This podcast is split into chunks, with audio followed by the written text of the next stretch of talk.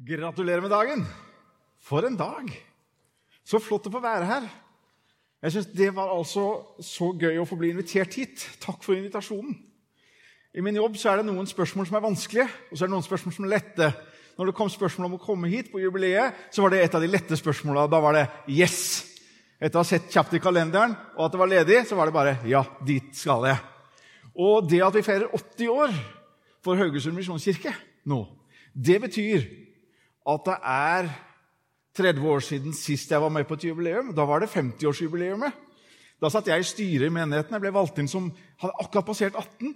Og så var jeg så heldig å bli valgt inn i styret. Det var en litt sånn farlig oppgave også. Sånn, hva har jeg der å gjøre? En flott gjeng å være i styret med. Jeg husker Det var Geir Johannessen som var hovedpastor på den tida, og Bjørn Solbakken var styreleder. Det var, det var en sånn raushet mot en 18-åring som trodde han kunne sikkert veldig mye akkurat da, men, men uh, opplevde at her var det mye som han ikke kunne også. Ja, og det var flott. Og Da husker jeg, da leide vi Haraldshallen, og så hadde vi en festhelg uh, med, og inviterte alle tidligere pastorer. og Det var liksom skikkelig flott.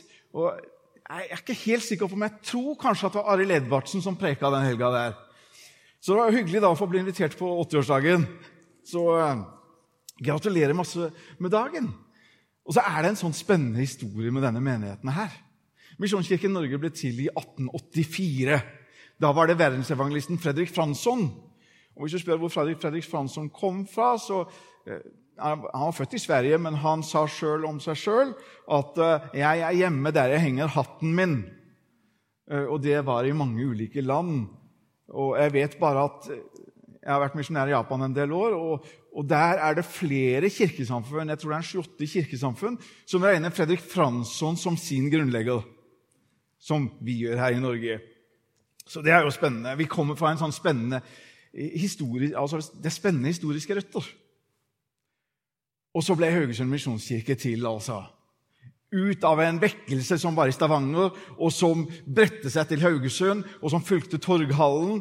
Og så tok det av, og så ble det en menighet. Og så har den menigheten vært igjennom, som uh, Nils Johan Kyvik pekte på i, i videoen her tidligere. Det har vært medgang, det har vært motgang, det har vært skikkelige gode ting som har skjedd, og så har det ikke, har det ikke alltid vært gode ting. Og det, sånt er det. Og det er mot det bakteppet jeg har lyst til å forkynne også i dag. At i en menighetsliv, i en historie, når du blir såpass gammel som 80 altså, når jeg ble 20, så tenkte jeg at livet er jo en dans på roser. Det er jo bare nydelig.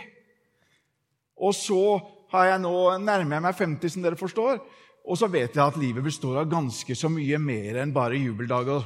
Og Sånt er det jo i en kirkes historie også. Det er mye som skjer i et liv. Og 80 år det begynner jo å bli et langt liv. Og så mye å takke for. Og så mye å være glad for. Og det er et vitnesbyrd om Guds trofasthet. Og det er et, et vitnesbyrd om mange mennesker som har stått sammen og båret gjennom ulike tider. Og det er en flott ting. Og det er vel verdt å gjøre som det ble gjort i dag, å hedre de som har gått foran, og de som har stått med gjennom mange år. Og det har jeg også lyst til å gjøre. Gratulerer med dagen spesielt til dere. Haugesund misjonskirke det er jo en, en, spesiell menighet for meg. Knut Rød, som var pastor her noen år da er vi, Jeg tror vi er på 60-70-tallet. Jeg ble kjent med han først i Drammen da jeg ble pastor i Drammen misjonskirke. Da sa han om Haugesunds misjonskirke at det er en menighet hvor du må røre i gryta hele tida, ellers så svir det seg i bånd. Det er noe sant i det. Det må skje ting.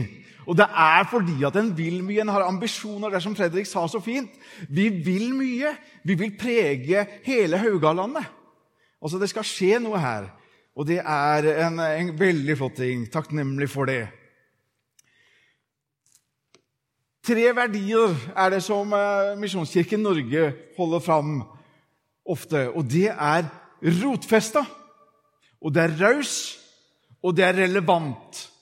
Og alle de tre verdiene opplever jeg har på en måte kommet litt til uttrykk gjennom gudstjenesten så langt. Og Ha det, de tre verdiene litt sånn i bakhodet når du hører det jeg skal dele med deg i formiddag også. Bibelen sammenligner det å drive menighet med et par yrkesgrupper spesielt. Og Det ene er bonden, som når våren kommer, så pløyer han, så planter han et frø. Så gjør han det han kan, og så spirer det etter hvert, og så skal han høste. Og Så er det den andre yrkesgruppa, og den er kanskje enda mer relevant her på Vestlandet, og det er fiskerne. Det er de som er i båten, kaster garnet, venter på fisken, haler inn. Og Det er der vi befinner oss i den teksten som jeg har lyst til å dele med dere i formiddag. Det er Johannes evangelium, og det er kapittel 21. Og så skal vi lese en god porsjon tekst her, fra vers 1 til 14. Johannes evangelium, også kapittel 21. Helt slutt, til slutt i Johannes. Og der kan vi lese. Siden åpenbarte Jesus seg enda en gang for disiplene ved Tiberias sjøen. Det gikk slik til. Simon, Peter, Thomas, som ble kalt Tvillingen, Nathanael fra Kana i Galilea, Sebedeus-sønnene og to andre av disiplene hans var sammen der. Simon Peter sier til de andre, 'Jeg drar ut og fisker.' 'Vi blir også med', sa de. De gikk av sted og steg i båten, men den natten fikk de ingenting. Da morgenen kom, sto Jesus på stranden mens disiplene Men disiplene visste ikke at det var han. Har dere ikke noe å spise, barna mine? sa Jesus til dem. Nei, svarte de. Kast garnet ut på høyre siden av båten, så skal dere få, sa Jesus. De kastet garnet ut, og nå klarte de ikke å dra, opp, dra det opp. Så mye fisk hadde de fått.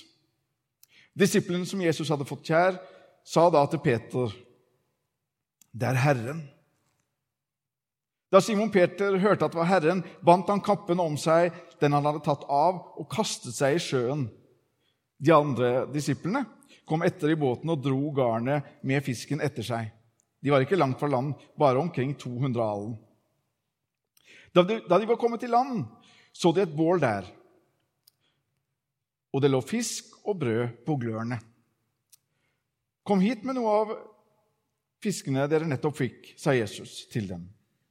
Simon Peter gikk da om bord i båten, takk garnet i land. Det var fullt av stor fisk. 153 i alt. Men enda det var så mange, revnet ikke garnet. Jesus sa til dem, 'Kom og få mat.' Ingen av disiplene våget å spørre ham, 'Hvem er du?' De visste at det var Herren. Så gikk Jesus fram, tok brødet og ga dem, og det samme gjorde han med fisken. Dette var tredje gang Jesus åpenbarte seg for disiplene etter at han var stått opp fra de døde.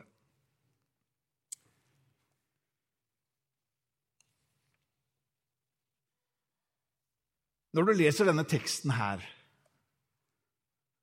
så er det mange tanker og assosiasjoner. En eh, assosiasjon som jeg fikk, det var eh, en eh, assosiasjon til fiskeriavisa.no fra 12. april. Der var det en overskrift. Nå får det være nok. Vi drar til Finnmark på fisketur, sto det der. Og jeg tenker liksom at Ja, kanskje var det litt sånn der disiplene var. Nå er det nok! Nå drar vi på fisketur. Jeg vet at det finnes noen lidenskapelige fiskere i salen. Jeg har fiska med noen av dere. Jeg skal ikke dra alle de historiene, men vi kan vel bare slå fast at det å fiske på åpent hav i kano, det er ikke en god idé. Noen av, dere, noen av dere vet hvilken fisketur jeg snakker om.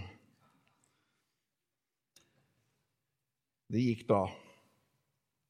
Jeg jobber sammen med en ufattelig lidenskapelig fisker. Han heter Arild Eikom. Og eh, Fredrik han sa til meg når han hørte hvilken tekst jeg skulle preke om i dag, si til Fredrik at han skal få lov til å bli med på fisketur til sommeren. Så der har du den. Det er dagens gave til deg. Arild er en sånn fyr som får han en sjanse, så må han dra ut og fiske. Og For han så er det den optimale rekreasjonen. Og er det ikke sånn for de fleste som fisker, at det er noe lystbetont? Det er noe som du kan gjøre uten at du bruker så veldig mye energi. Du får energi når du fisker. Og det er avslapping.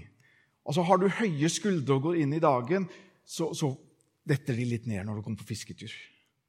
Jeg tror og håper at det er sånn de fleste har det. Har vi, har vi noen bilder? Fikk vi til det? Der er Arild Eikholm. Det er et bilde av en fisketur som jeg var på en gang, som gjorde veldig inntrykk på meg. Det er det neste bildet. Det er bildet på en fisketur. Det var i Etnefjellene. Vi så absolutt ingenting. Og vi fiska hele natta, akkurat som disiplene. Så ingenting. Men vi fikk til gjengjeld fisk, da. Det gjorde vi. Og når vi kom i land, så lagde vi en god fiskemiddag. Fantastisk. Dere Det med fisking er jo noe flott. Og så var det jo sånn at mange av disiplene til Jesus var jo nettopp fiskere. Det var det som var håndverket, det var det de kunne. Og det var det de drev med, faktisk, når de ble rekruttert til disippeltjeneste. Jesus gikk på stranda, og så så han noen fiskere og så sier han at 'Kom, følg meg.' Og så fulgte de Jesus. Kan vi lese om bl.a. disse Sebedeus-sønnene som er nevnt i teksten her. Og så har de vært igjennom så masse forskjellig. da. De har på en måte vært på en leir som har vart i tre år. Og de som har vært på påskeleir, det er jo ikke så mange dager, vet at du er rimelig pumpa når du kommer fra leir. Ikke sant? Her har de altså vært Det var Jesus og de tolv disiplene, og så snakker vi om at så var det jo de 72 snakker jo Bibelen også om. ikke sant? Sånn at, eh, det var en sånn, litt sånn dynamisk disippeltopp, dette her. Og så hang de med Jesus natt og dag over flere år. Tre år. Og så har det skjedd så mye. Det er så masse inntrykk. Og så har Jesus blitt tenkt på et kors ikke så lenge før denne teksten her. Så oppsto han, og så møtte de den oppstandende Kristus for tredje gang når de møter Jesus her i denne teksten. Og Jeg ser for meg at det var litt sånn for disiplene at ja, det de hadde sett og opplevd av Jesu forkynnelse, det oppdraget han hadde gitt dem Hvem er Jesus, og hvem er vi, og hva er vår del i dette oppdraget? Hva er vår oppgave? Jeg så kanskje at det var litt sånn rotete for dem, at det hadde ikke falt helt på plass. Litt sånn kaos. Og Det er da Peter sier, 'Nei, nå drar vi og fisker.' Og de andre var kjappe på med at 'det blir vi med på'. For det kunne de. Fisking var ikke noe de trengte å tenke på. Da kunne de bare gå på autopilot og så kunne de gjøre det de kunne så godt. De hadde behov for en timeout. De dro på fisketur.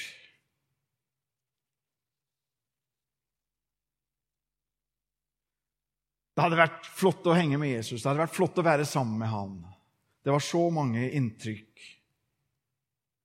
Fascinerende, moro. Rett og slett helt sånn til å ta pusten fra deg. Opplevelser hadde det vært mange av. Men kanskje akkurat denne dagen så var de litt trøtte og litt leie og lurte på hva nå? Absolutt en tid for å fiske. Så de dro ut, altså, og så fisker de. Så har de fiska hele natta. De har ikke fått noen ting. Og det er jo ingenting som er så deprimerende når du fisker og holder deg våken en hel natt. til og med. Det er jo natta som er den optimale tida for å få fisk. Og du, liksom, alt ligger jo til rette.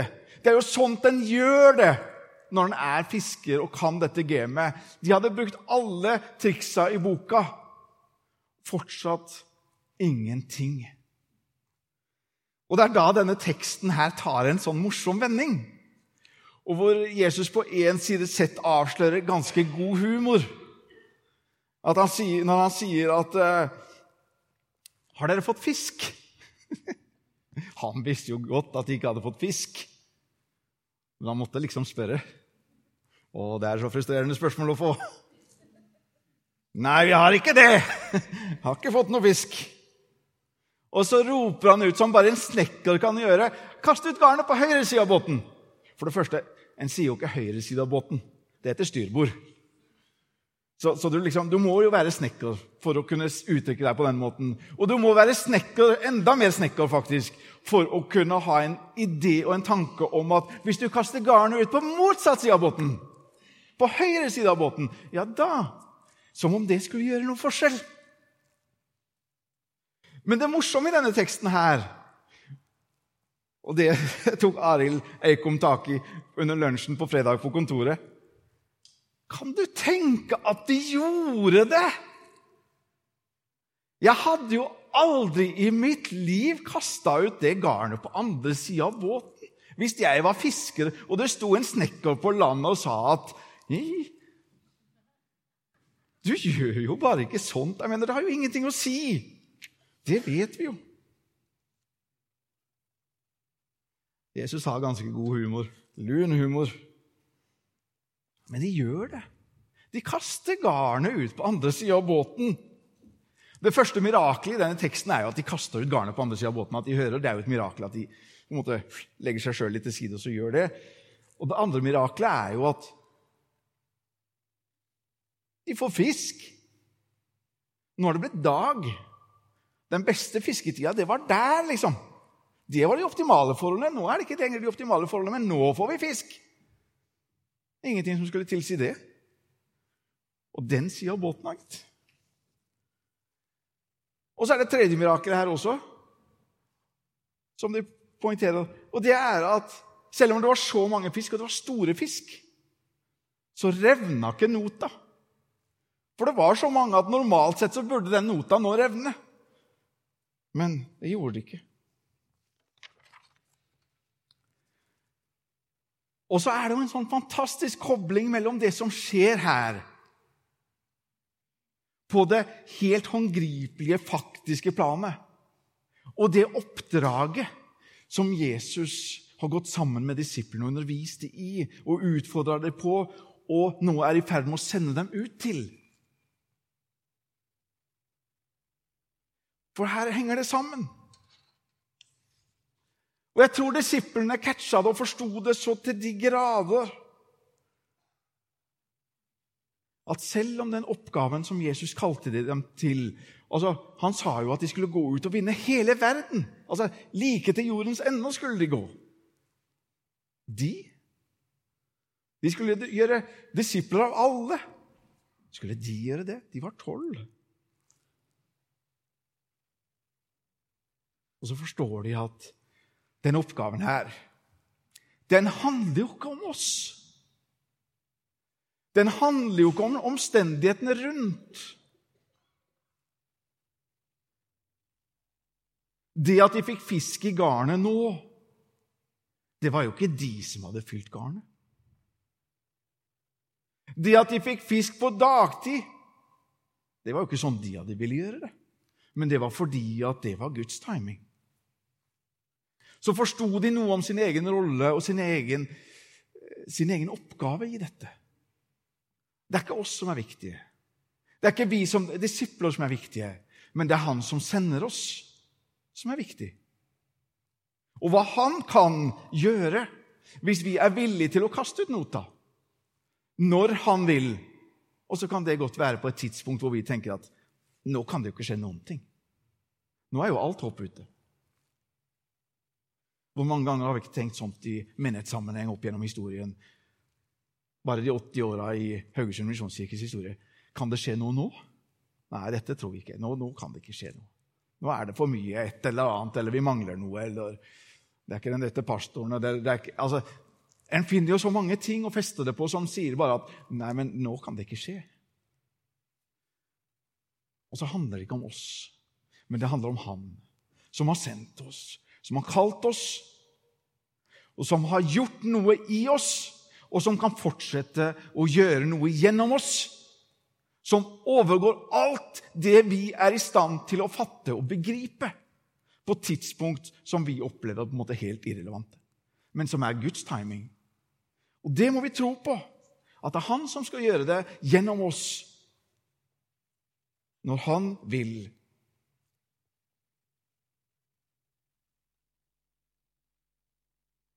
Og jeg tror egentlig at veldig mye slitenhet og sånt utbrenthet i Guds rike, i menigheter, handler litt om at vi misforstår oppgaven vår.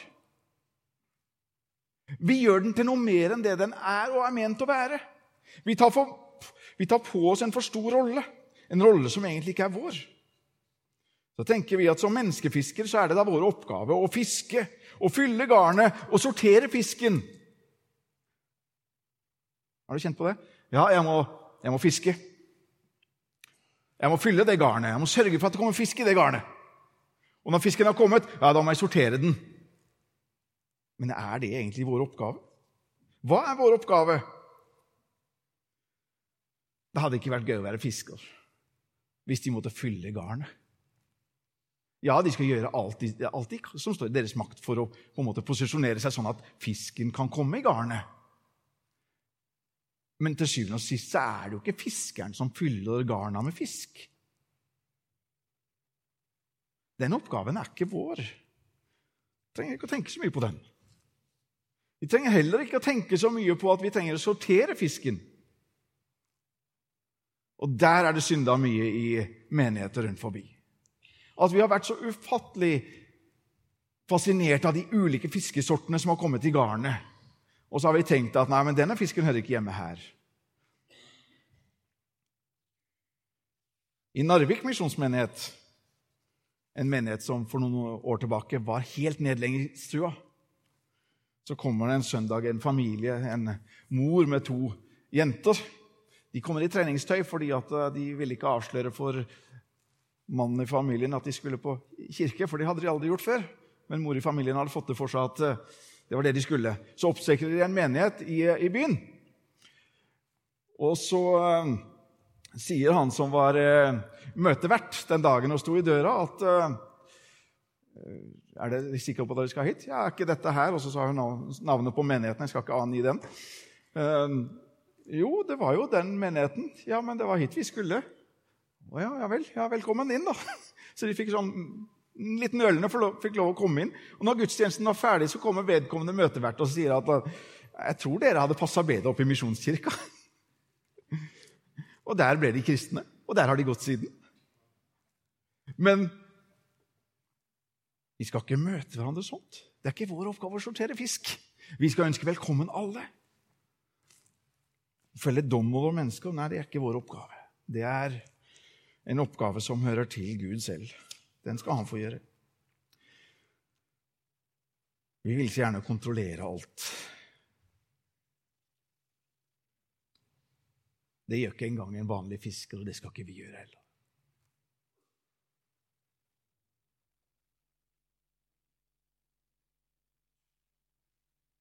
Legger du merke til at i denne teksten så står det hvor mange fisk de fikk?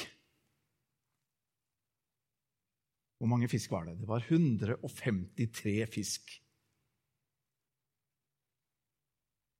Vanligvis er ikke det nøye. Altså, det var fullt garn, det holdt på å revne. Man kunne jo nøyd seg med å ta med det. Det er en grunn til at det står det eksakte tallet. For på denne tida så var det sånn at de hadde en formening over hva verden besto av. Altså, hva, hva, hva er denne verden? Jo, denne verden består av 153 folkeslag. 153 folkeslag, det er de så mange folkeslag som det finnes i denne verden. Så vet vi at tallet kanskje ser litt annerledes ut i dag. Men det var den bevisstheten de hadde. Og når de da får 153 fisk, så klikker det inn, og Johannes finner ut at det tallet det må bare med når jeg skriver mitt evangelium. For det knytter jo også an til oppgaven som han kaller oss til å nå alle folkeslag.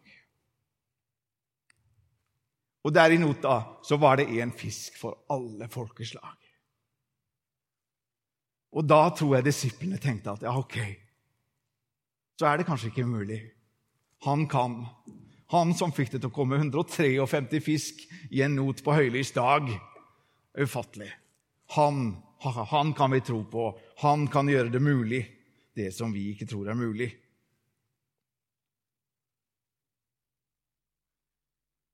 Det er en oppgave som vi som menighet er kalt til å gjøre. Vi er kalt til å gå, vi er kalt til å forkynne, gjøre disipler.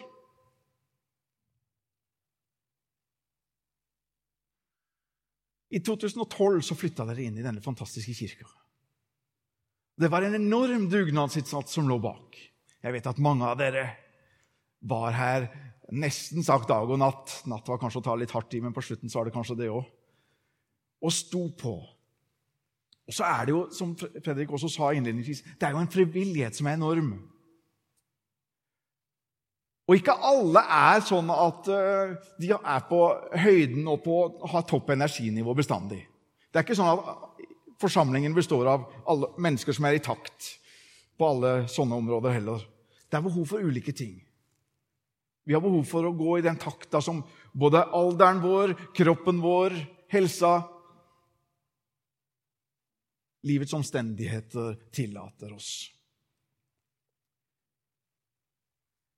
Legg merke til hva som skjer når de kommer i land. Da har Jesus gjort opp et bål, og så får han fisk som disiplene har fiska. Og så lager han i stand et måltid. Han visste at de var sultne. Det er jo ingenting som er bedre etter at du har vært på, på sjøen og fiska. Eller bare vært på sjøen, for den del. Når du kommer til land. Å gå i gang da og lage mat det er litt sånn tungt fordi at du er litt lav på energi. og liksom, åh, Tenkte han noen da bare har laga et måltid for deg. Og det er det det Jesus har. De kommer rett fra jobben med å få inn denne enorme fangsten. Og så sier Jesus at nå skal vi hvile. Nå skal vi spise. Nå skal vi kose oss i sammen og så har han dekka bord, og så lager han mat. Han vet bedre enn noen at nå trenger de hvile. Nå trenger de ny energi. Nå er det en tid for å legge vekk jobb, legge vekk oppgaver. Nå skal det handle om å være. Og Sånn er en tid for både menigheter og for oss som enkeltmennesker. Vi har behov for ulike ting til ulike tider. Og det er så deilig å vite at Jesus han er en herre som dekker bord for oss. Og hans bord kan vi få komme til alltid. Og så minner vi oss sjøl om dette når vi inviterer i kirka til nattværbordet. Og jeg tenker at denne, Det vi leser om i teksten her om nattværbordet, handler om mye av det samme. Han gir seg selv for oss. Han gir oss det vi trenger. Vi har alt vi trenger i Han. Jesus lærte oss å be gi oss i dag vårt daglige brød. Vi vet at det ble flere fisketurer fra disiplene etter dette her, men det er en tid for alt. Oppdraget for Haugesund misjonskirke er fortsatt det samme. Men i dag så skal vi få lov til å bare feire. Vi er altfor dårlige å feire i Guds rike. Vi stopper sjelden opp. Vi skal alltid videre. Men av og til så er det riktig å gjøre og si at akkurat nå skal vi ikke videre. I dag så skal vi være her, og så skal vi feire. Og så skal vi takke Gud. Og så skal vi få feire hverandre. Og så skal vi få gi honnør til de som har gått foran, de som har båret. Alle skal få lov til å ta av sekken i dag. Og så skal vi få ta imot det som Han gir oss. Og så er det øyeblikk hvor vi kjenner at Nei, i dag da er jeg og fisker. Det er lov til det. Dra og fisk med god samvittighet. Det er litt farlig å si det til noen av dere aller mest fiskeglade, for da, da får vi ikke sett dere. Det er en forfatter som sier jeg er helt på tampen nå, som sier om denne teksten at denne teksten gir oss et utrolig tydelig bilde av disippelskap. For Jesu etterfølgere er på sitt mest effektive når de lytter til Jesus og følger hans ord. Og Guds ord er ikke bare et ord til oss om å fiske, men det er ord om å leve i hans kjærlighet, nærhet, omsorg og være mennesker, hele mennesker. Og kanskje passer det da på helt på tampen å minne om eh, den danske filosofen Grundtvigs ord, hvor han pekte på at Menneske først, kristen så. Det er så lett for oss å Det er en lei tendens vi har, egentlig, å gjøre kristenlivet til noe umenneskelig. Og jeg tenker av og til at noen av naboene våre kikker på oss og tenker at jeg er sannelig glad jeg ikke er en kristen og går i en menighet. Vi må gjøre kristenlivet til noe menneskelig. Gud ble menneske. Gud har skapt oss til å være mennesker. Det betyr at vi har tillatelse til å være det. Menneske først, kristen så. Det var det jeg hadde lyst til å dele med dere. Og så håper jeg det kanskje kunne være litt niste på veien. I stadig nye kapitler som skal skrives ut ifra Haugesund misjonskirke. Gratulerer med dagen, og lykke til på den videre reisen. La oss be til Gud. Himmelske Far, vi takker deg for denne dagen. Herre, vi takker deg for denne menigheten og for alt som uh, du har gjort, både i og gjennom denne menigheten. Må du fortsette å velsigne menigheten. Må du fortsette å lede dem. Vi ber deg for dem som sitter i ledelse, vi ber deg for dem som er en del av staben. Herre, vi ber om at eh, dette fellesskapet skal være et fellesskap som får være til velsignelse både for det umiddelbare nærområdet, men også for hele Haugalandet. Himmelske Far, vi legger den fortsatte reisen i dine hender. Må du ved Din Hellige Ånd lede den. I Jesu Kristi navn. Amen.